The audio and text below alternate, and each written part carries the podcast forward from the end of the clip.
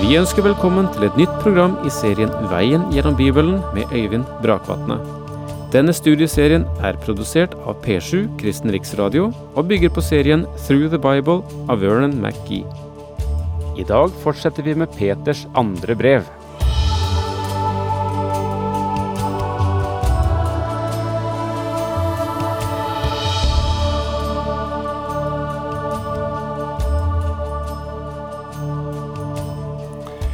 Den som kjenner sitt Nytestament eh, noe, vet at Peter må ha vært en levende personlighet, en fargerik personlighet, men ikke alltid enkel å kontrollere. Han gikk ikke inn i de vanlige former, han eh, hadde sin egen vei, sin egen måte, både på godt og ondt. Også i brevene hans møter vi denne fargerike personligheten, og nå når vi befinner oss i annet eh, Peters brev, så merker vi vekslingene i sinnet hans hele tiden. Det begynte med begeistring, med, med takknemlighet og styrke for det ordet som Gud har latt uh, bo iblant menneskene, og som er trygt og sant og sikkert. Så kommer noe av engstelsen, advarselen mot falske lærere som kan trenge inn og føre mennesker vill, og uh, forkvakle noe av den frukten som kommer av evangeliet. Og så, når han har gitt uttrykk for denne engstelse, er han også klar til å gå til angrep på denne situasjonen, og det gjør han faktisk også med ikke så liten bit av, av sarkasme. Og nå får vi gå inn igjen i annen Peters brev, kapittel to, vers 19 og her merker vi at Simon Peter sannelig kan være skarp. Han taler om de som fører til frafall, falske lærere som er kommet inn, og karakteriserer dem slik. Frihet lover de, men de er selv slaver av det moralske forfallet. Det en ligger under for, er en også slave av. Her er det altså langt mellom liv og lære. Disse falske lærerne oppfatter kanskje ikke at de er slaver, og gir løfter som de selv ikke står inne for. Det en ligger under for, er en også slave av. Dette er selve bildet vi har foran oss her. De lover frihet, men de vet egentlig ikke selv hva denne friheten er.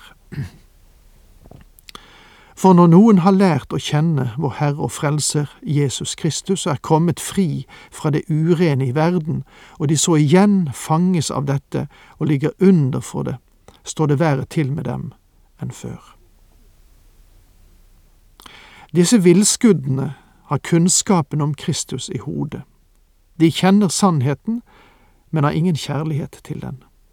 De fornekter det de en gang bekjente og er blitt slavebundet og nå på vei mot totalt forfall. Noen har lært å kjenne vår Herre og Frelser Jesus Kristus. Det er ikke det at de ikke har hørt evangeliet. Det har de. Kanskje det er noen som lytter til veien gjennom Bibelen også, men ikke tror noe, ikke tror noe av det som blir forkynt. Slike mennesker kjenner evangeliet. Det er ikke kunnskapen det er noe i veien med, men erkjennelsen. Det er ikke behov for å si mer. Peter fortsetter og understreker om de så igjen fanges inn av dette og ligger under for det, står det verre til med dem enn før. I dette kapitlet har Peter klart behandlet det frafall som var på vei inn i menighetene gjennom de falske lærerne som innsmigret seg blant de troende og lærte falske doktriner, underviste i det som var i strid med Guds ord. Peter sier at de forfalsker Guds sannhet, og de gjør det til sin egen fordel. Disse falske lærerne opphøyer seg selv i stedet for å opphøye Kristus. De bruker ikke Guds ord på annen måte enn som små bevistekster som mer eller mindre dekker deres egen undervisning med en from glasur. De bruker store ord som er villedende ord. De prøver å imponere mennesker gjennom en viss intellektuell holdning, og de er interessert i å berike seg på evangeliets bekostning. De påstår at de kan forvandle mennesker. Jeg vet at jeg kan komme i vanskeligheter ved å si dette, men jeg tror du bør granske nøye enhver som står fram med Guds ord, og hevder å ha overnaturlig kraft til å gjøre under og tegn til enhver tid og under alle forhold. Jeg stiller meg langt fra negativt til under og tegn, men det er ikke de som skal bære bevisbyrden, men det skal forkynnelsen av Guds ord gjøre. De falske lærere lever heller ikke sitt liv under den ramme som Bibelen setter for en god, sunn og kristen livsførsel. Du og jeg kan ikke alltid makte å kjempe og bekjempe disse falske lærere, men vi kan peke på det som strider mot evangeliets fundamentale sannheter. Men en dag skal Gud avsløre dem, og dommen venter. Det ville vært bedre for dem om de aldri hadde lært å kjenne den rette vei, enn at de først kjenner den, og så vender seg bort fra det hellige bud som ble overgitt dem. Nå konkluderer Peter med å si at det ville vært bedre om de ikke hadde kjent til rettferdigheten i Gud, enn at de skulle ha kjent den og så vendt seg fra evangeliet. Glem ikke at det er et ansvar forbundet med å høre evangeliet og avvise det. Det er å høre om redningen, og så understreke at jeg trenger den ikke. Da er det godt med dem, som det treffende heter i ordtaket, hunden vender om til sitt eget spy, og ikke før er grisen vasket, så velter den seg i sølen. Peter taler om disse falske lærere og bruker uttrykket hunder. For den jødiske tanke var det ikke noe lavere enn en hund, for å si det. Hunden vender tilbake til sitt eget, spy. Peter henter dette ordtaket fra ordspråkene, kapittel 26 vers 11, for å vise at de vil vende tilbake til sin sanne, naturlige og uforandrede livsholdning. Ikke før er grisen vasket, så velter den seg i sølen. Det er Simon Peter som gir oss lignelsen om den bortkomne grisen. Kanskje du aldri har hørt lignelsen om den bortkomne grisen, men her, her er den altså. Den er selvfølgelig basert på lignelsen om den bortkomne sønnen, som er en av de mektigste og største lignelser den Herre Jesus noen gang gav oss, og som du kan lese om i Lukasevangeliet kapittel 15, versene 11 til 32. Fra én side sett kan vi si at historien om den bortkomne sønnen ikke dreier seg om hvordan en synder blir sønn, men hvordan en sønn blir en synder. Historien slik den er gjengitt i Lukas 15, er en kjent historie. Du husker at det var en far som hadde to gutter. En av guttene, den yngste, ønsket å komme seg ut av redet og dra til et land langt borte. Og du kan gjerne si at det er drømmen om de grønne enger på den andre siden av gjerdet. Og det betyr ganske enkelt at de ting som er nær oss, ikke er attraktive. Det som er langt borte, er annerledes, det fengsler oss og pirrer oss. Og jeg tror at den hovedsakelige dragningen når det gjelder synden, er dens mysterium. Det mystiske, det vi ikke kjenner, har en egen dragningskraft på oss mennesker. Så gutten dro av gårde og var snart viklet inn i alt det han hadde drømt om. Men det var visse sider av virkeligheten som drømmen ikke hadde inneholdt. Da han hadde penger nok, var hans venner, som var som parasitter, med ham. Men de ble snart borte når situasjonen ble vanskelig, og snart måtte han dra av gårde og finne seg en jobb hos en mann som alte opp griser. Og når den Herre Jesus nevnte det, fikk både tollere og farisere gåsehud. For en jødegutt kunne ikke synke lavere enn det og nå er han på bunnen. Denne gutten var både bokstavelig og i overført betydning i grisebingen.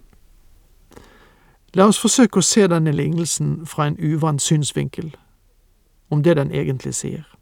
Den viser egentlig ikke hvordan en synder blir frelst, selv om mange syndere er blitt frelst gjennom forkynnelse av denne lignelsen. Men den avslører hvordan farshjertet er, en far som ikke bare vil frelse en synder, men ta tilbake en, synd, en sønn som synder. Og fordi han var en sønn, så tok han en dag til vettet og tok en beslutning som ingen gris kan ta. Han sa min far lever i det store huset sitt fremdeles, han har tjenere som har det bedre enn jeg. Jeg er sønnen hans, men jeg lever her sammen med grisene, jeg vil stå opp og jeg vil gå til min far. Ingen gris kan si det, og i alle fall kunne grisene ikke tenke seg å forlate sitt trau og sine skylder.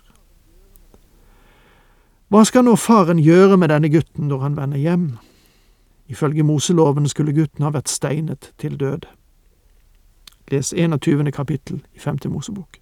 Men han ble ikke stenet til døde. Sønnen kom tilbake og kom med sin bekjennelse. Far, jeg har syndet mot himmelen og mot deg.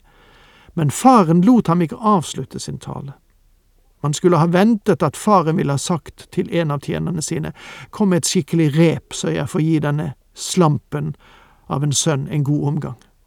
Han har vanæret mitt navn, han har brukt opp alt det jeg ga ham, og han har misbrukt tiden sin. Han har levd i synd, og jeg skal sannelig lære ham hva det vil si. Men det var ikke det som hendte. Du skjønner at gutten hadde fått mer enn nok juling i landet langt borte. Alle de bortkomne får mer enn nok, så det rekker langt hjemmefra. Når de kommer tilbake til sin himmelske far, er det alltid fest, en kledning og en ring og de begynte å være glade. Festen var i fars hus, og aldri i grisebingen. Det interessante nå er at Peter sier, ikke før er grisen vasket, så velter den seg i sølen. Og nå kan vi legge noe til lignelsen om den bortkomne sønn. En av disse små grisene i grisebingen sa til den bortkomne sønnen, mener du egentlig at du vil forlate denne herlige grisebingen med all denne deilige leiren som vi kan velte oss i, og alle disse gode skyldene som tømmes i trauet vårt, og gå tilbake til din fars hus? Det høres egentlig ikke så dumt ut. Faktisk har du vunnet meg. Kanskje jeg skal gå med deg, og prøve, jeg også. Så den bortkomne sønnen sa til ham, kommer du dit, så vil tingene bli helt annerledes. Da må du komme på andre tanker. Da de kom til fars hus, la faren armen rundt gutten og sa, ta hit kappen til ham. Og det var ikke vanskelig å kjenne stanken av de klærne sønnen hans hadde båret i grisebingen, og det han virkelig mente var, gi ham et riktig godt bad og la ham få nye klær. Han kan ikke lukte slik eller leve slik i mitt hus. Takk for nå. Herren med deg.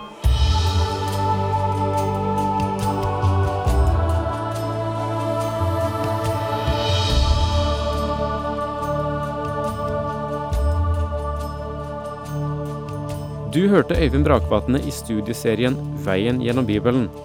Serien bygger på et manus av Vern McGee. Har du spørsmål eller kommentarer til programmet, kan du sende en e-post til vgb krøllalfa p7.no. Takk for i dag, og på gjenhør.